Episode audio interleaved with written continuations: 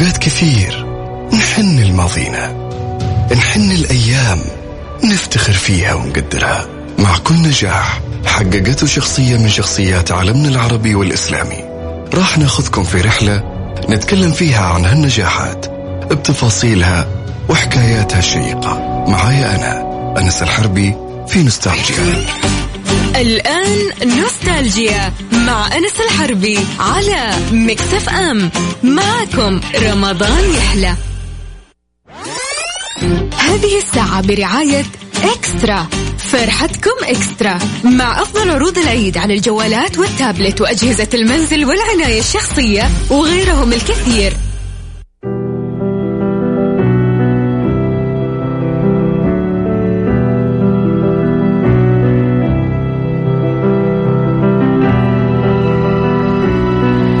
يسعد مساكم وأهلا وسهلا فيكم في حلقة جديدة من برنامج نوستالجيا. معكم أخوكم أنس الحربي. كالعادة قصة جديدة ورحلة جديدة. اليوم رحلتنا تقول أنا الذي نظر الأعمى إلى أدبي وأسمعت كلماتي من به صمم. فالخيل والليل والبيداء تعرفني. والسيف والرمح والقرطاس والقلم. ذو العقل يشقى في النعيم بعقله وأخو الجهالة في الشقاوة ينعم. أكيد الأغلب أعرف شخصيتنا لليوم. شخصيتنا اليوم هو أبو الطيب المتنبي.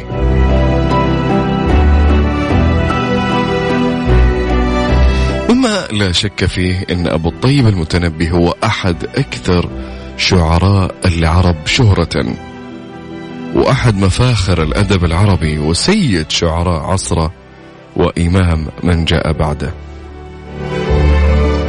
له كثير من الأمثال السائرة والحكم والمعاني المبتكرة أشياء جدا عظيمة صنعها وابتكرها في الشعر والبلاغة والفصاحة.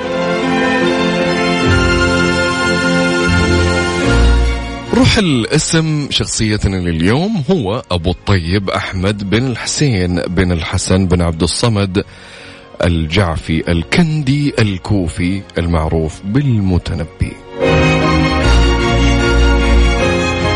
ولد في كندة إحدى مناطق الكوفة بالعراق سنة 303 للهجرة وكان أبويه فقيرين فبلغ بكفاحه وهمته وإصراره أسمى مراتب الشهرة وسجل اسمه في التاريخ. لو هو مشهور ما كان اليوم دردشنا عنه. مستمرين معاكم في نوستالجيا. قصة اليوم أبو الطيب المتنبي بناخذه. قصته بالتفصيل وش صار معه. خليكم ويانا.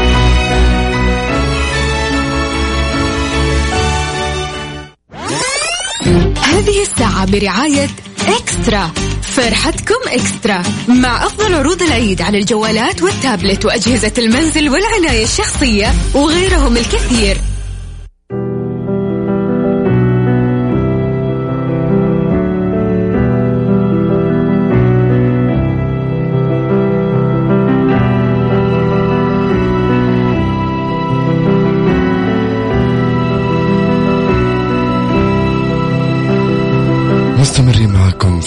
نوستالجيا وأهلا وسهلا فيكم. معكم أخوكم أنس الحربي. قلنا قصتنا اليوم عن شخصية آه، من شخصيات الأدب العربي والشعر اللي هو أبو الطيب المتنبي. ومهما يعرف أبو الطيب المتنبي. ولد المتنبي من أب فقير معدم يعمل سقة. يعني بيع الماء كان بيع ماء في الكوفة. ومن أبوه شاف أنه ظهرت عليه ملامح الذكاء ويحفظ بشكل سريع جدا وهو صغير. وصار يقول شعر ونثر. فقال أبوه خلنا نوديه إلى الشام. وفعلا انتقل إلى الشام و خلى المتنبي ولده يتلقى العلم والأدب من علمائها ثم وداه البادية وأخذ لغة العرب عن فصائحها. زمان يا جماعة الخير أي شخص يبون يخلونه فصيح اللسان يوضع عند عرب البادية لأنهم كانوا أفصح الناس قولا.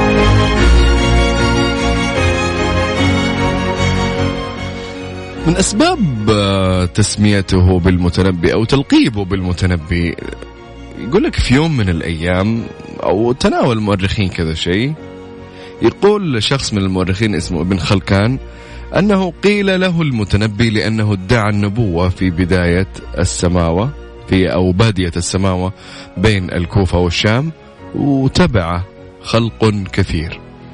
فخرج إليه لؤلؤ أمير حمص نائب الدولة الإخشيدية حينذاك فأخذ وحبسه فبقي المتنبي محبوسا إلى أن عرف خطأه فأطلق سراحه وهذا ما قيل يعني في أقاويل جدا كثير وفي بعضهم قالوا هو أول من تنبأ بالشعر وهذا غير صحيح لأنه في ناس قبله كثير يعني تنبأوا آه، بالشعر.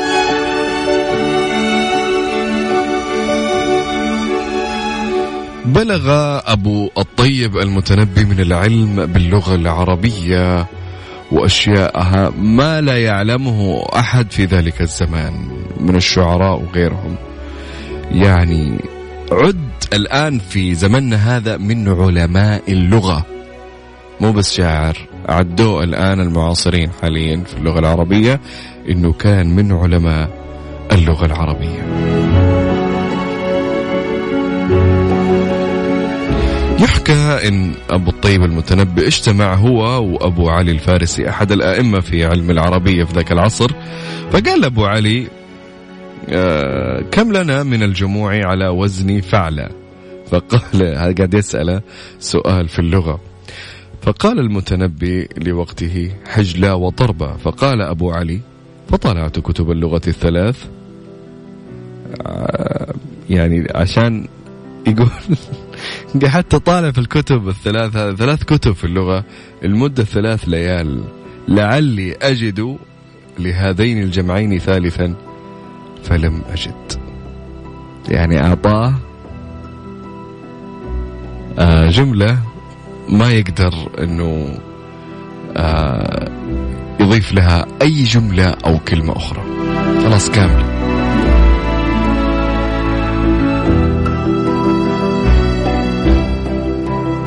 التحق أبو الطيب المتنبي ببلاط الأمير سيف الدولة الحمداني في سنة 337 للهجرة ولم يكن سيف الدولة الحمداني أميرا فحسب بل كان شاعر وأديب أحب الشعراء وأغدق عليهم الكثير من الهبات والعطايا. وظل أبو الطيب المتنبي إلى جوار سيف الدولة يمدحه كشاعر في كثير من القصائد ورأى فيه أنه الصاحب والصديق والأخ. رافقه إلى معاركه ولقد كان أنه سيف الدولة سخيا كريما مع الطيب المتنبي. حتى أنه يقول لك أعطاه ثياب ورمح وفرس وأعطاه أموال جدا كثير. غير أنه دائما كالعادة يعني لازم في يعني واحد يقول لك آه، في سوس في النص يخشون.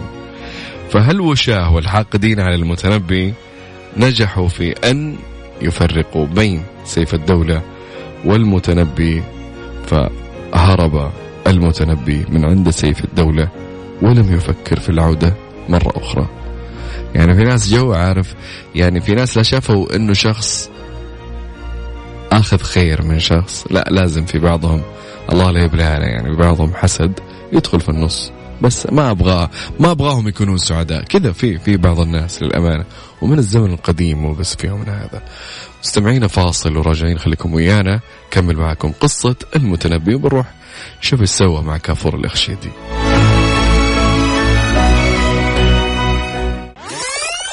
هذه الساعة برعاية إكسترا. فرحتكم إكسترا مع أفضل عروض العيد على الجوالات والتابلت وأجهزة المنزل والعناية الشخصية وغيرهم الكثير.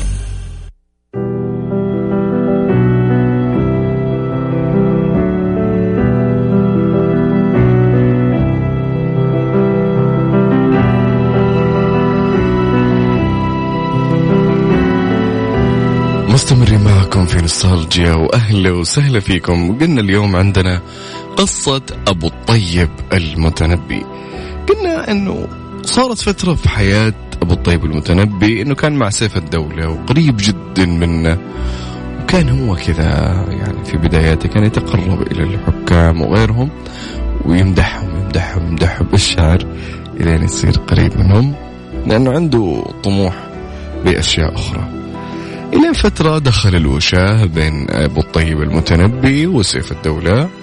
فصارت شاكل في النص كذا فعبوا صدر سيف الدولة على المتنبي فهرب المتنبي. راح المتنبي ترك سوريا واتجه إلى مصر. كان يحكم مصر في ذلك الوقت الإخشيديين أو شخص يدعى أبو المسك كافور الإخشيدي. وذكرنا قصته يا جماعة أبو المسك كافور الإخشيدي. آه كان عبد كان عبد ومن ثم أصبح حاكم مصر. قلنا من انتقل إلى مصر سنة 346 للهجرة. استدعاه حاكمها كافور الإخشيدي وأعد له دار وحمل إليه آلافا من الدراهم وأعطاه خير كثير.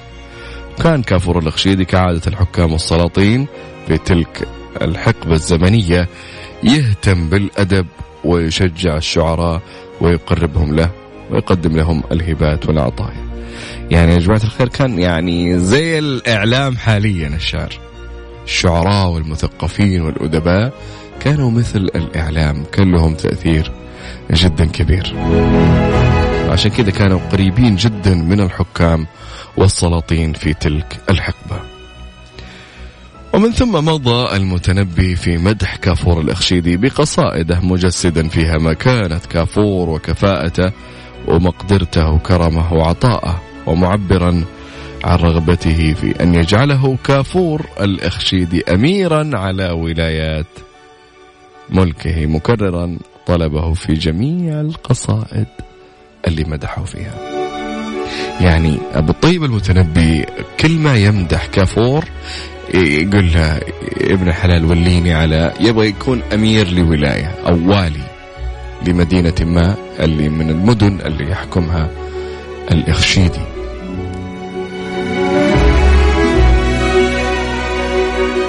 كانت الولاية آه، حلم كبير يراود المتنبي بين فترة وفترة. ودائما يذكر قلنا كافور الخشيدي فيها بكل قصائده لكن كافور كان يخشى من ذلك ويرفض. يعني أنا ماني مرتاح لك أنت شاعر وأديب و... وعلى عيني وراسي المتنبي لكن أنا ككافور الخشيدي أنا ما ماني هاضمك ماني مرتاح لك. يعني ما بوليك على ولاية وتحتك ناس لا. فرفض.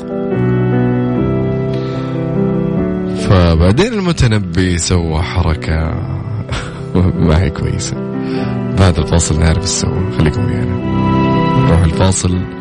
النشرة الرياضية وراجعين خفيف.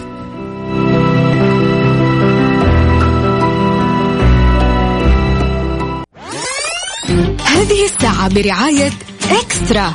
فرحتكم إكسترا. مع أفضل عروض العيد على الجوالات والتابلت وأجهزة المنزل والعناية الشخصية وغيرهم الكثير.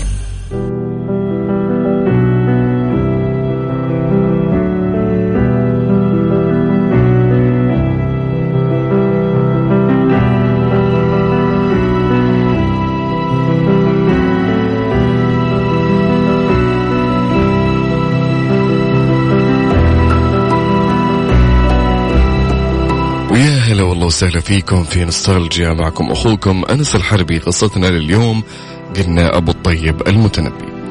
قلنا من وصل المتنبي إلى مصر كان الأخشيدي آه، أبو المسك حاكم للدولة الإخشيدية في مصر.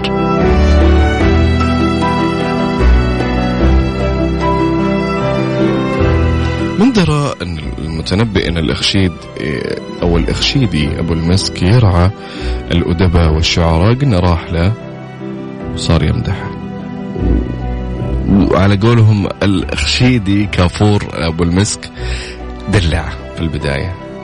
بس لكن آه المتنبي كان في داخله شيء يبي يكون والي لمنطقة ما تحت حكم الإخشيدية في ذاك الوقت.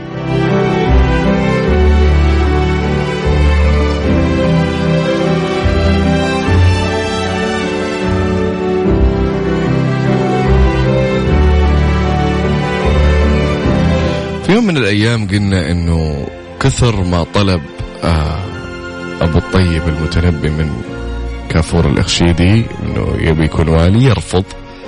كافور يعني خايف منه يا أخي أنا ماني مرتاح لك. يعني مو كافور نفسه ما هو مرتاح لي آه، طلبات المتنبي. في كل قصيدة من قصائده يلمح له إنه وليني وليني وليني ولاية لأحد المناطق.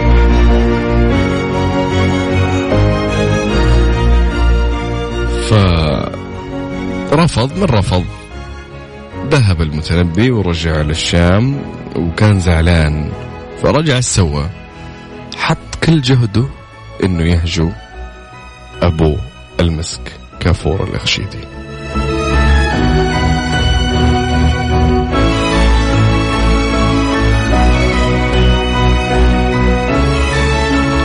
قصائد يقول آه يعني من أشهر القصائد اللي قالها اللي هو لا تشتري العبد إلا والعصا معه إن العبيد لأنكاد يعني إلى آخر القصيدة.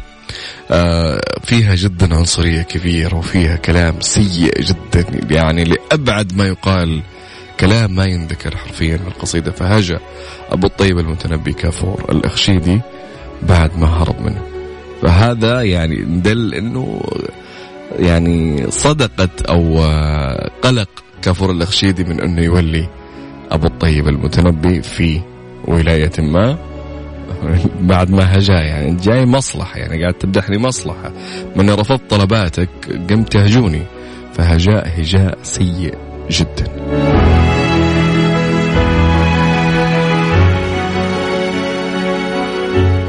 بعدها انتقل المتنبي إلى بلاد فارس. يعني خلص من جلس في الشام شوي بعد ما رجع من آه، كافور الأخشيدي بعدها ذهب إلى بلاد فارس.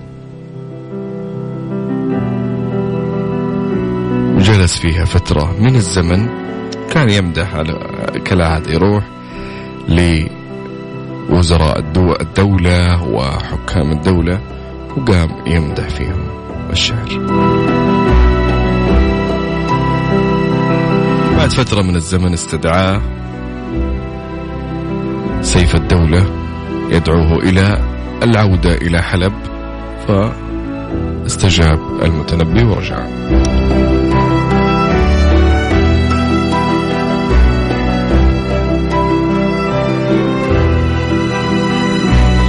كانت حياة يعني حرفيا حياة المتنبي. أنا مني قرأتها كلها تنقل وتنقل وتنقل وشعر حرفيا يتقرب من الملوك والوزراء والحكام في ذلك الزمن في ذلك العصر ويعني أغلب أبياته تقريبا أكثر من كثيرة جدا جدا جدا قصائده أغلبها في الحكام أو المدح والهجاء. غالبا يعني.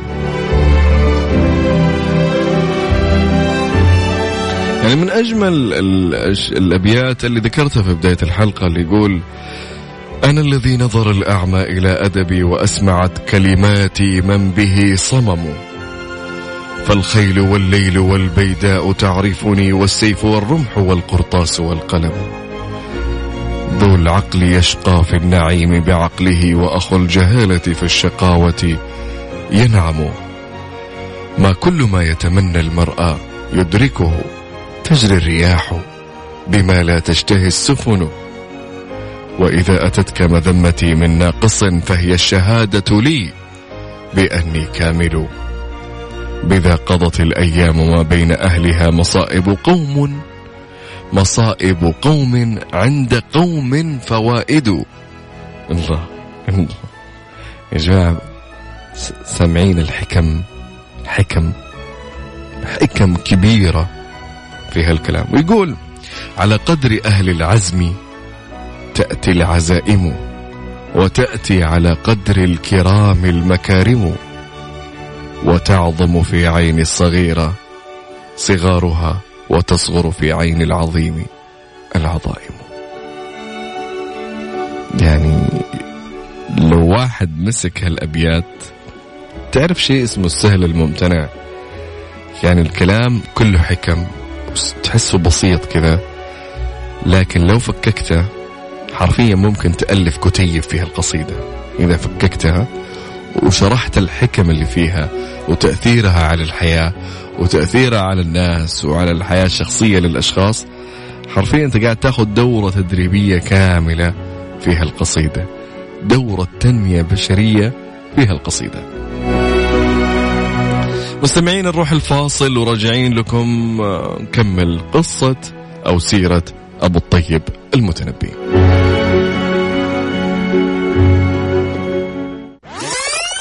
هذه الساعة برعاية إكسترا. فرحتكم إكسترا مع أفضل عروض العيد على الجوالات والتابلت وأجهزة المنزل والعناية الشخصية وغيرهم الكثير.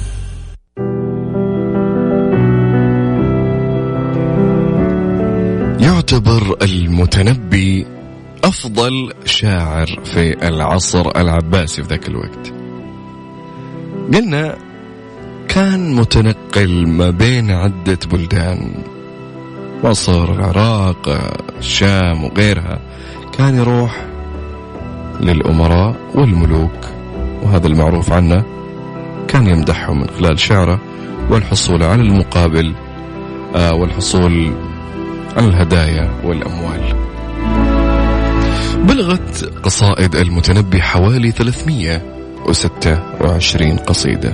معظمها قلنا زي ما ذكرنا قبل الفاصل إنه ما بين مدح ورثاء وهجاء وفي بعض القصائد فيها للأمانة حكمة.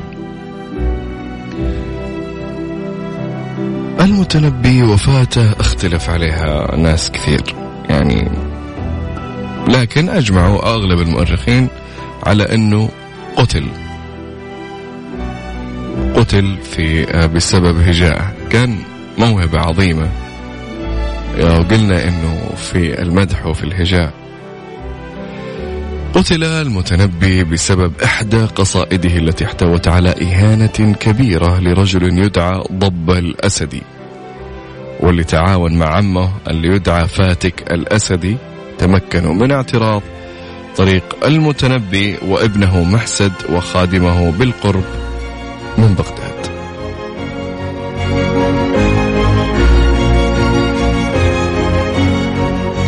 المنطقة هذه تسمى دير العقول. هاجمه فاتك الأسدي وأصحابه وعندما شعر المتنبي أنه جاك الموت وأنا بنهزم راح فك رجلينه وهرب. فواحد من الخدم اللي معاه وقال له أتفر وأنت القائل الخيل والليل والبيداء تعرفني والسيف والرمح والقرطاس والقلم. بعد ما تقول هالابيات انت تهرب فرجع المتنبي يعني محاربته عشان كرامته. كان مغصوب إنه يروح. لا عار هذا عار يعني لازم أرجع يعني. أنا قايل الكلام هذا وكذا كذا أنا رايح فيها. فقتلهم حتى قتل هو وولده ومن معه. وسرق ما كان معهم من متاع ومال وكتب. فكان هذا سبب مقتل أبو الطيب المتنبي رحمة الله عليه سنة 354 للهجرة. سبب أنه هجا شخص كان هالشخص كان قاطع طرق ويعني سمعته سيئة. فهذا اللي شهره شعره وقتله. شعره فرحمة الله على المتنبي. يعطيكم العافية. شكرا لكم. آه انتهت حلقتنا اليوم كانت حلقة لطيفة خفيفة. تكلمنا فيها عن أبو الطيب المتنبي الشاعر العظيم في العصر العباسي. كونوا بخير وسبحانك اللهم وبحمدك أشهد أن لا إله إلا أنت أستغفرك وأتوب إليك. صوما مقبولا وإفطارا شهيا. في أمان الله.